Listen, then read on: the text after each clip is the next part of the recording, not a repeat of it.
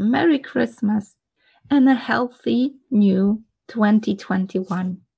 I know we still have some more episodes to come, but still, I want to wish you a healthy new time because there's going to be some changes up from next year. Thank you for being here with us in this experimental English format, talking about Polish handmade. Thanks to you, we've decided to take this idea further.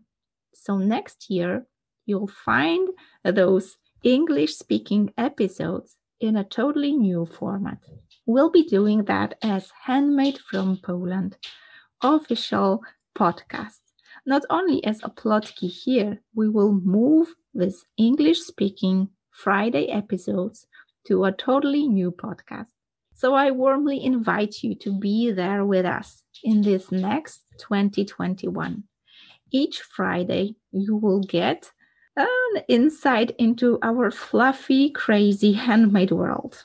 We're going to be dis- defining the term handmade from Poland, and we're going to be providing you with answers that are given from insiders, craftsmen, artists, but also from the outsiders, people who comment on this handmade business of ours.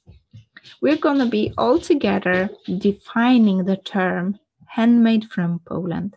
So I invite you to our common journey and I invite you to meet me in Handmade from Poland podcast next 2021.